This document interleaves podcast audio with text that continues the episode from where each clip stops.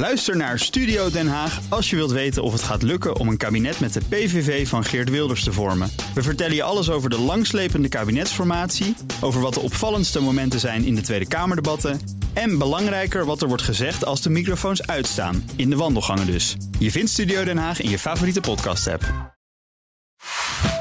BNR Nieuwsradio. Boekenstein en de Wijk. Jan Postma.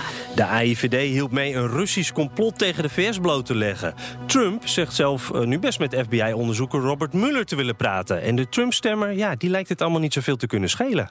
If you having girl problems, I feel bad for you, son. I got 99 problems, but a bitch ain't one. I got Special counsel Robert Mueller plans to question President Trump about why he fired Michael Flynn and James Comey. I'm looking forward to it, actually. There's been no collusion whatsoever. Uiteindelijk gaat dat Mueller uh, om de rol die Trump zelf heeft gespeeld.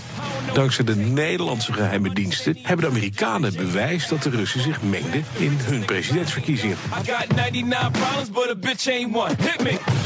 Bannon wordt nu ook gehoord. 99 problems, but a bitch ain't one.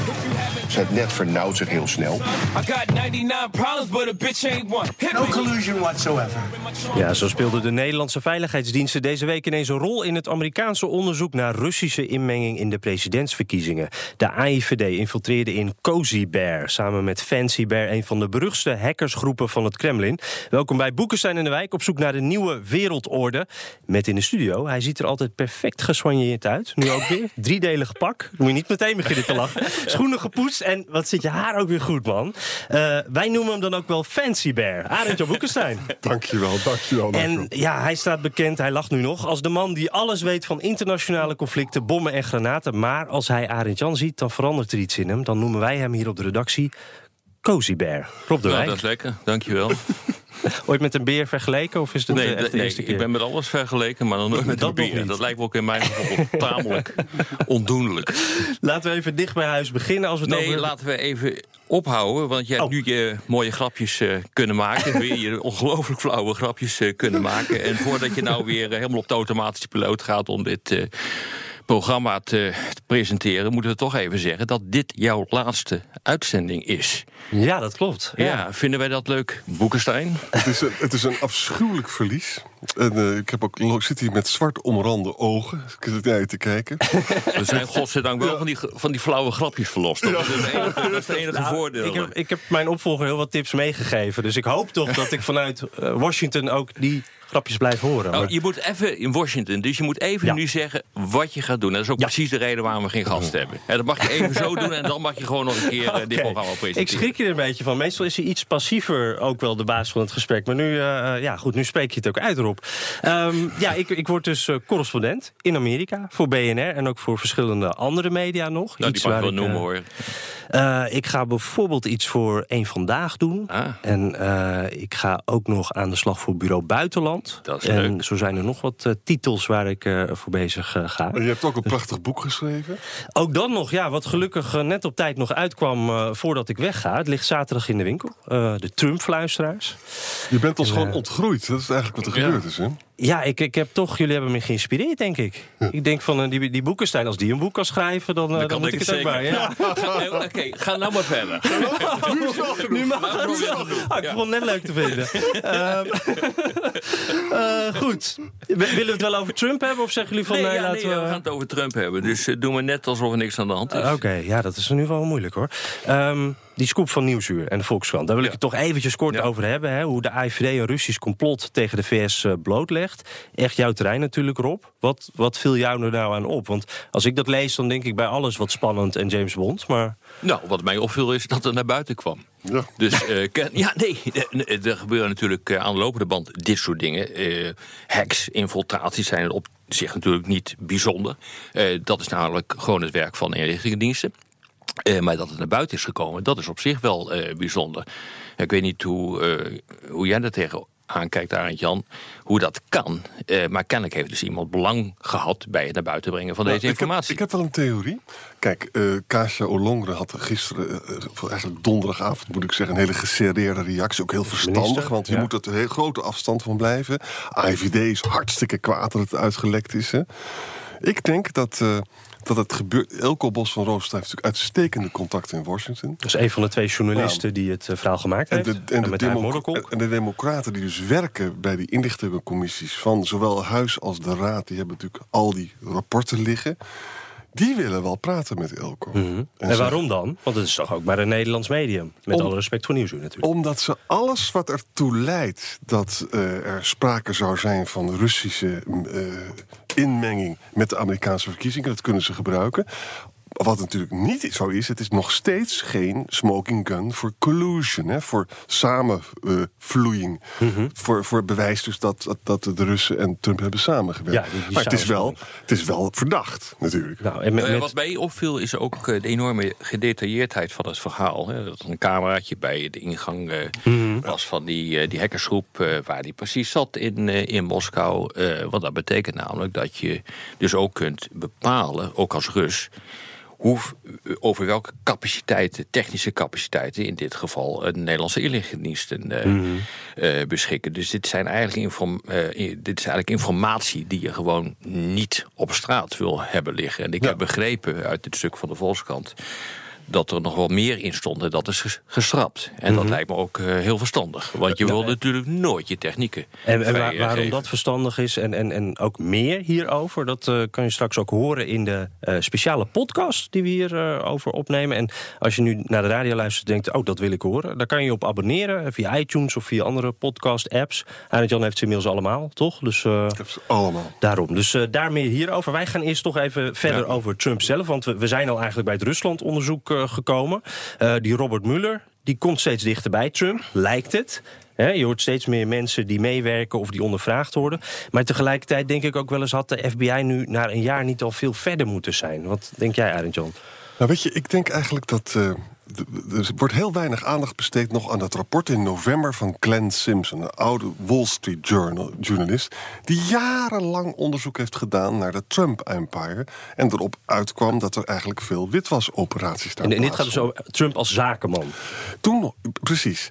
En uh, dat zou dus betekenen dat als dat zo is, en het schijnt nu behoorlijk hard te zijn, dan hebben de Russen dus leverage over Trump. Hè, want dan mm -hmm. kunnen ze dat naar voren brengen. Mm -hmm. Nou, toen viel me op dat Mueller in november, december allemaal witwas-experts aanstelde in zijn commissie. En ik denk dus dat die route misschien nog wel veel belangrijker is dan bijvoorbeeld de, de, de, route van de obstructie van de wet. Hè. Dat is ook eentje voor impeachment natuurlijk. Ja, dat hij zijn eigen vervolging een beetje heeft ja. tegengehouden. Dus met andere woorden, collusion hoeft er dus helemaal niet geweest te zijn via die verkiezingen. Mm -hmm. Maar wat natuurlijk ook een probleem is, als, je, als jouw eigen bedrijf uh, gewoon met witwasoperaties bezig ja. was. Denk jij dat je gezellig een impeachment mee gaat maken in, uh, in Washington? nou, hoop je natuurlijk wel het als staat wel op mijn lijstje. Nee, niks. Nou, ik moet wel nee, trouwens... maar even serieus. Ja, nee. bedoel, je hebt net een boek erover geschreven, dus uh, welkom bij de club. Je bent nu deskundige. Het deed ook meteen. Nou, ik schrijf nog eens een boek. Nee, maar ik moet wel eerlijk zeggen, of het, het staat zeker op mijn lijstje. En dat gaat niet om Trump, want ik hoop dat Trump echt nog even blijft zitten. Dat is iemand die mij echt al een jaar lang enorm fascineert en ook van werk voorziet. Laten we wel zijn. En ik hoop dat dat zo blijft. Uh, en ik denk, oh, ik, ik zie het niet. Ik denk niet dat het de komende vier jaar uh, gaat gebeuren. Nou, omdat, dit, uh, omdat een impeachment uiteindelijk ook altijd een politiek proces is. En um, ja, we, zoals Arend Jan zegt, we hebben geen smoking gun. Er is nog steeds niet iets hards. We hebben wel allemaal dingen waarvan je denkt, nou, dit is een beetje, dit, dit stinkt een beetje. Maar er is nog niks wat, wat uh, Muller omhoog kan houden van, kijk, dit heeft hij verkeerd gedaan. Nee, maar Muller is natuurlijk wel iemand die heel systematische werk gaat. Mm -hmm. laag op laag legt. Begint met de kleine jongens. Uh, dat hebben we gezien met die Bab Papadopoulos. Papadopoulos, ja. Uh, dat die was assistent. een soort krullenjongen die wat op buitenlands beleid uh, deed. In, in, ergens in de twintig. Niet een grote vis. Maar goed, ik bedoel, je begint op dat, uh, op dat niveau. Flynn is, dat zat al wat heel dichtbij. Manafort. Manafort. Ja. Nu wordt Kelly, wordt, uh, Sessions, die wordt de minister van Justitie, die wordt nu gehoord. Dat is wel heel interessant. We komt mm -hmm. wel steeds dichterbij. Dus dat, dat doet natuurlijk de vraag opkomen van... als het zo dicht bij Trump komt... is het dan waarschijnlijk dat hij er niet van geweten heeft. En dat hij niet ja. ook een rol heeft gestuurd, eh, eh, gespeeld in de aansturing daarvan. Wat Mhm. vind jij daarvan? Nou, daar heb je een, een heel interessant punt. Het lijkt me heel moeilijk om dat te bewijzen sowieso. Maar ik kan me niet voorstellen dat bijvoorbeeld, om wat te noemen... toen eh, Trumps zoon in Trump Tower afspraak met die, afsprak met die Russische advocaten... die, die, zei, die Kremlin gelieerd is en die zei van... nou, wij hebben dirt over Hillary Clinton. Nou, dat had ze uiteindelijk niet. Waar Jared Kushner ook bij zat, waar dus toch wat kopstukken zitten. Zijn schoonzoon inderdaad. Ik kan me niet voorstellen dat eh, een van die mannen toen niet even naar Donald Trump vooraf of achteraf is gegaan van nou wat ik nu heb. Als je potentieel zulk groot nieuws hebt en eh, de, de grote baas die zit een paar verdiepingen daarboven, dan loop je daar even Nou, naar binnen. sterker nog, ik bedoel, er zijn een paar generaals bij eh, betrokken. Ik heb nog nooit meegemaakt dat een generaal op eigen initiatief dit soort dingen zou doen. Die overlegt dat. En die vraagt het aan de baas. En die vraagt toestemming aan de baas. Het zou heel raar zijn. Dat is ook wat ik hoor hoor. Die, die, dat is pure speculatie. Maar dat hoor, dat hoor ik ook via mijn eigen eh, contacten in de Verenigde Staten. Dat zij dat zeer onwaarschijnlijk vinden. Dat, dat, dat er niet op een of andere. Dat er niet een of andere link is. En bovendien, we weten dus dat, eh, was het niet Kushner en Flynn... die dus daadwerkelijk ook over sancties hebben gesproken?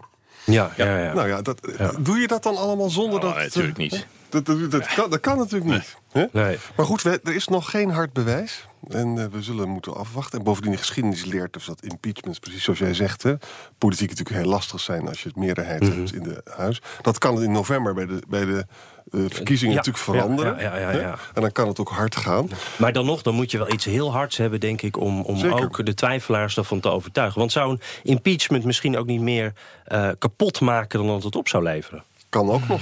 Kan ook Nou, als iemand over de schreef is gegaan, gooi hem er dan maar uit. Ik bedoel, eh, deze man doet voldoende schade. Kijk wat er dus op dit ogenblik gebeurt, om even het, het onderwerp te verleggen. Eh, hij, is, hij heeft altijd protectionistische taal uitgeslagen.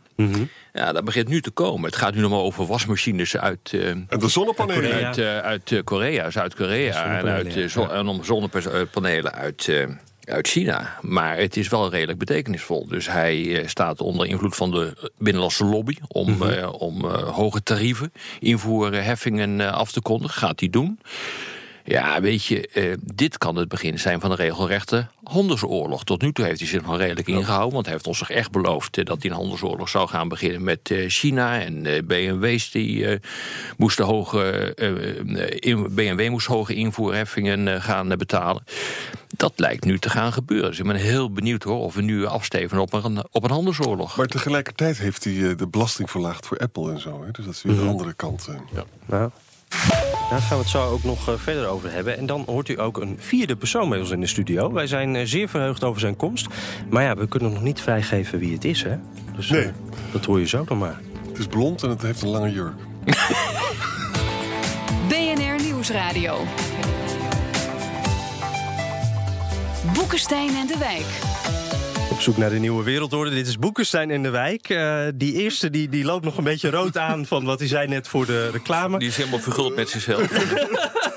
Klachten kunt u sturen naar George Freulich eh, van BNR.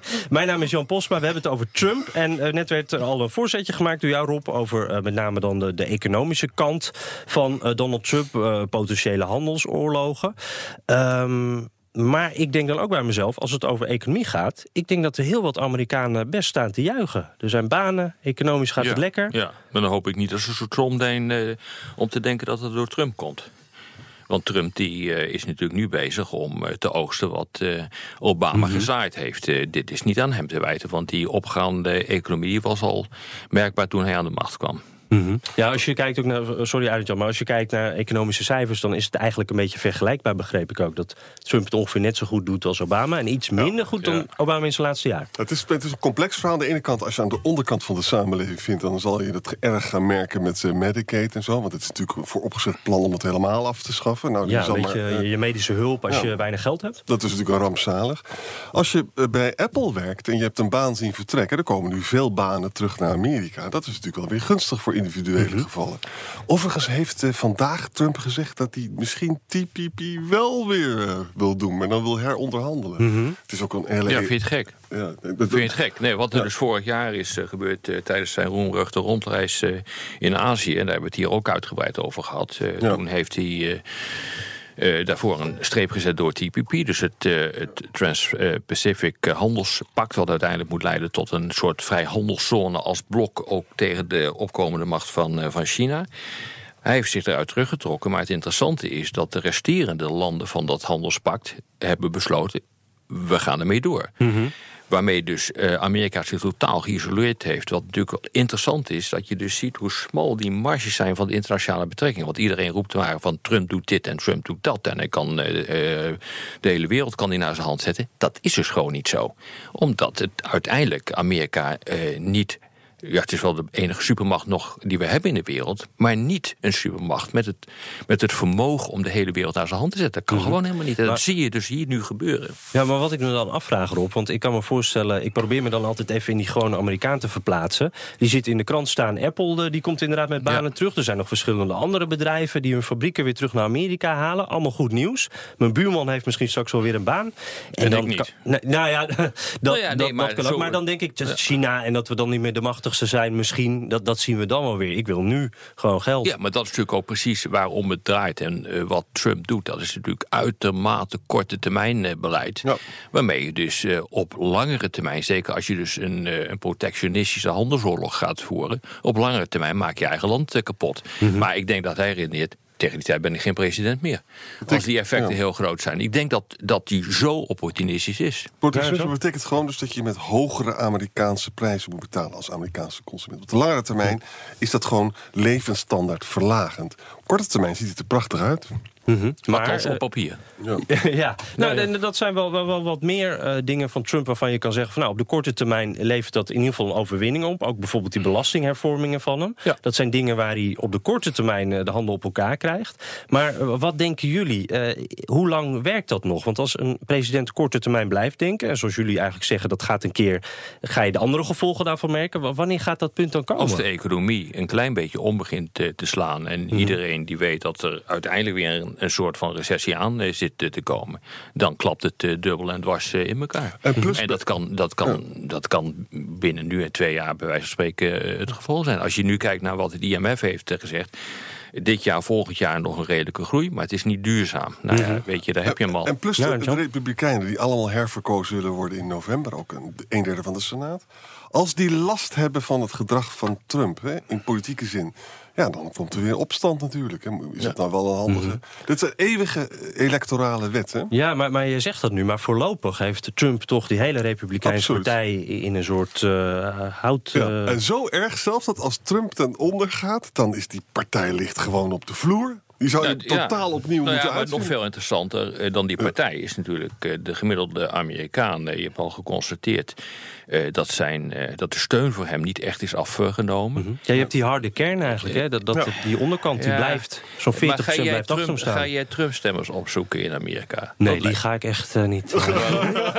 nee, nee, inderdaad. Nee, Dat maar dat me- echt lijkt me de- Eh, Het lijkt me fantastisch om in Washington te zien wat daar allemaal gebeurt, hoe dat botst. Maar de gewone eh, Tr- Trump-kiezer, ik ben heel benieuwd. Nou, je vindt ze natuurlijk bij bosjes. Alleen de Mhm. vraag is of je een typische Trump-kiezer kunt vinden. In die, eh, in die Rust Belts, dus in die, die achtergebleven, eh, in elkaar gezakte industriële gebieden die er zijn in de Verenigde Staten. Ja, daar vind je ze wel. Dat is niet zo ingewikkeld. Worsten is het wat lastiger. Maar, maar, maar het is dus niet zo dat dat alleen maar de gemiddelde Trump-kiezer is. Eh, Ja. Ik vind het opmerkelijk dat eh, als je kijkt wie op Trump heeft gestemd, maar 5% is totaal afgehaakt. Dat, is helemaal, dat is helemaal niet zo groot. En er zitten ook van die typisch, eh, eh, van die typisch bij. Dat zijn echt van die, eh, die aanhangers van dat white supremacy denken in de Verenigde Staten. De extreemrechtse kant. hele conservatieve denkers zitten daarin die niet eens tot, dat, die je niet eens tot die bijna fascistische stroming kan, eh, kan rekenen. Dus het is een nogal redelijk eh, divers eh, gezelschap. Eh, heren, ik, ik, we moeten alweer een beetje afronden. Oh, dus ik ja. denk wel tot, dan toch even naar die, die hamvraag die om de zoveel tijd weer terugkomt. Eh, of ik maak er een stelling van. Ik denk, die Trump die wordt gewoon herkozen in 2020. Dat weet ik niet. Dat weet ik niet. Het is wel zo dat dus, dus de aanhang vergeeft hem alles. Ze Mhm. vergeeft hem ook zijn leugens, omdat de vijand is nog erger. Dat is de grote kracht van... eh, Trump heeft eigenlijk feiten uitgeschakeld. Hè? En ook- Mhm. Maar dan kan niks je meer pijn doen, toch? en dan Totdat het zo wordt dat je herverkiezingen. Want dan worden die jongens... Ja, jij denkt dat dat nog wel moeilijk Ja, wordt. dat Rob, ik- jij, jij kijkt moeilijk. Ja, ik vind dat soort voorspellingen, dat soort vragen, weet je, ik kan er eigenlijk helemaal niks mee. Ik, ik heb geen idee. Wat denk je zelf eigenlijk? Nou ja, ik, ik denk inderdaad, eh, ik zie dat echt gebeuren. Dat in 2020 dat er gewoon een herverkiezing... eh, eh, en dat hij dat ook nog wel Hij wordt binnenhaalt. wel hoor. oud, hè? Dat eh, weet je. Dat is zo, ja. En die gezondheid, dat, dat, we- nou, die is fantastisch, hebben we net weer gehoord van de dokter. Hè? Dus dat valt allemaal wel een beetje mee waarschijnlijk. Ondanks de kipnuggets. Die lijken toch heel gezond. Ja, dit, dit was het alweer. Eh, ik neem afscheid van dit programma. En eh, zoals u hoorde ook eh, voorlopig even van dit land. Omdat ik dus Amerika-correspondent word. Dat is natuurlijk heel erg leuk. Maar ik ga jullie wel missen, heren. ja, Ehm, dat moet je zeggen, hè? Dat moet je erbij zeggen. Ja, daarom. Dat staat in mijn Wij contract missen ook. jou ja. ook, hoor. Bel nog eens in het programma. Ja, oh, dat lijkt me heel goed. En ik kan natuurlijk die podcast ook gewoon in eh, Washington luisteren. Dat is prima.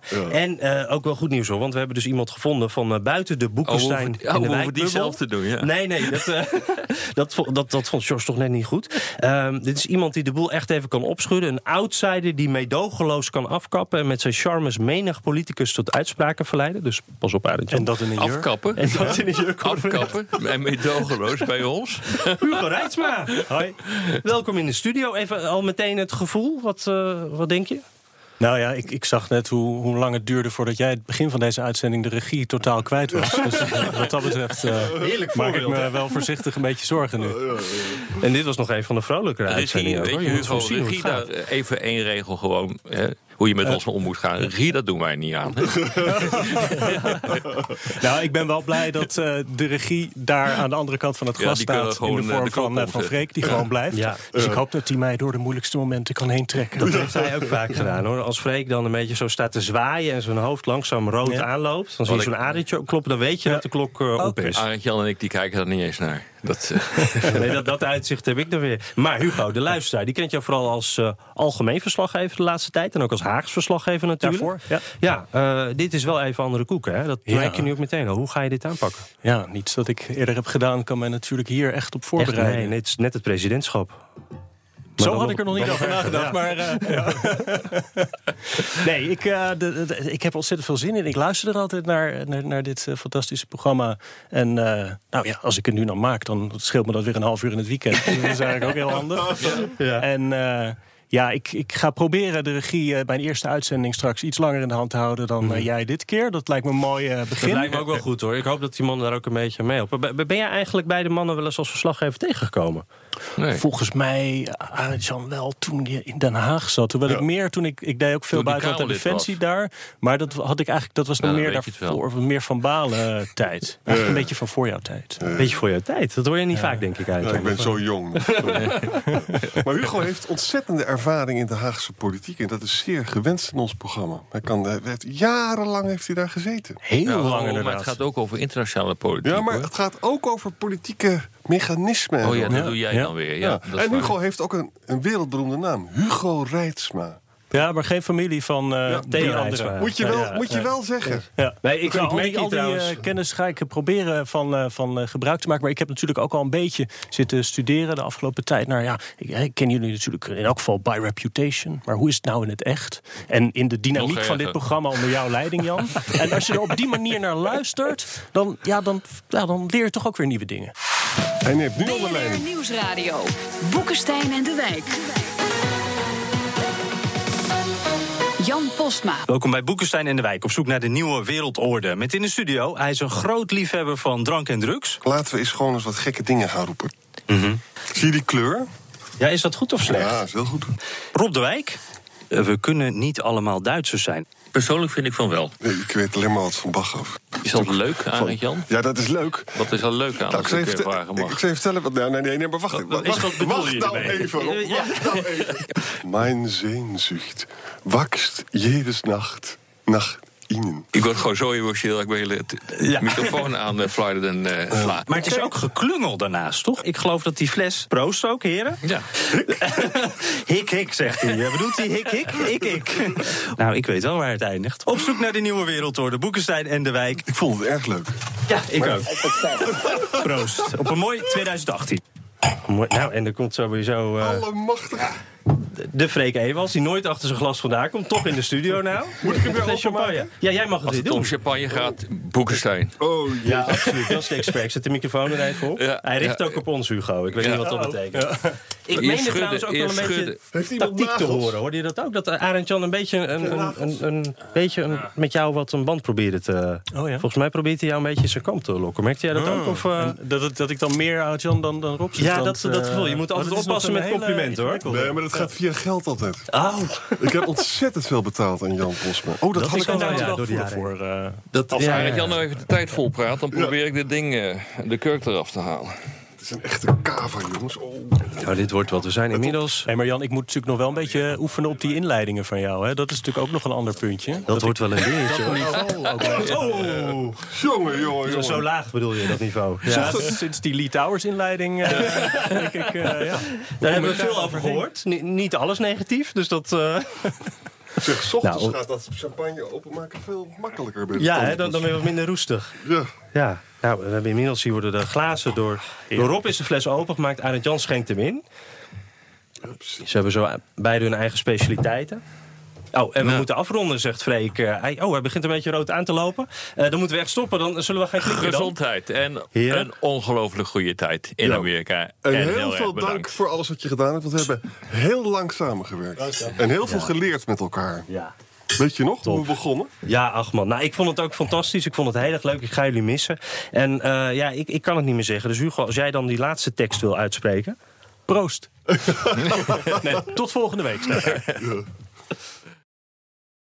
Ook Bas van Werven vind je in de BNR-app. Ja, je kunt live naar mij en Iwan luisteren tijdens de ochtendspits. Je krijgt een melding van Breaking News. En niet alleen onze podcast Ochtendnieuws, maar alle BNR-podcasts vind je in de app. Download nu de gratis BNR-app en blijf scherp.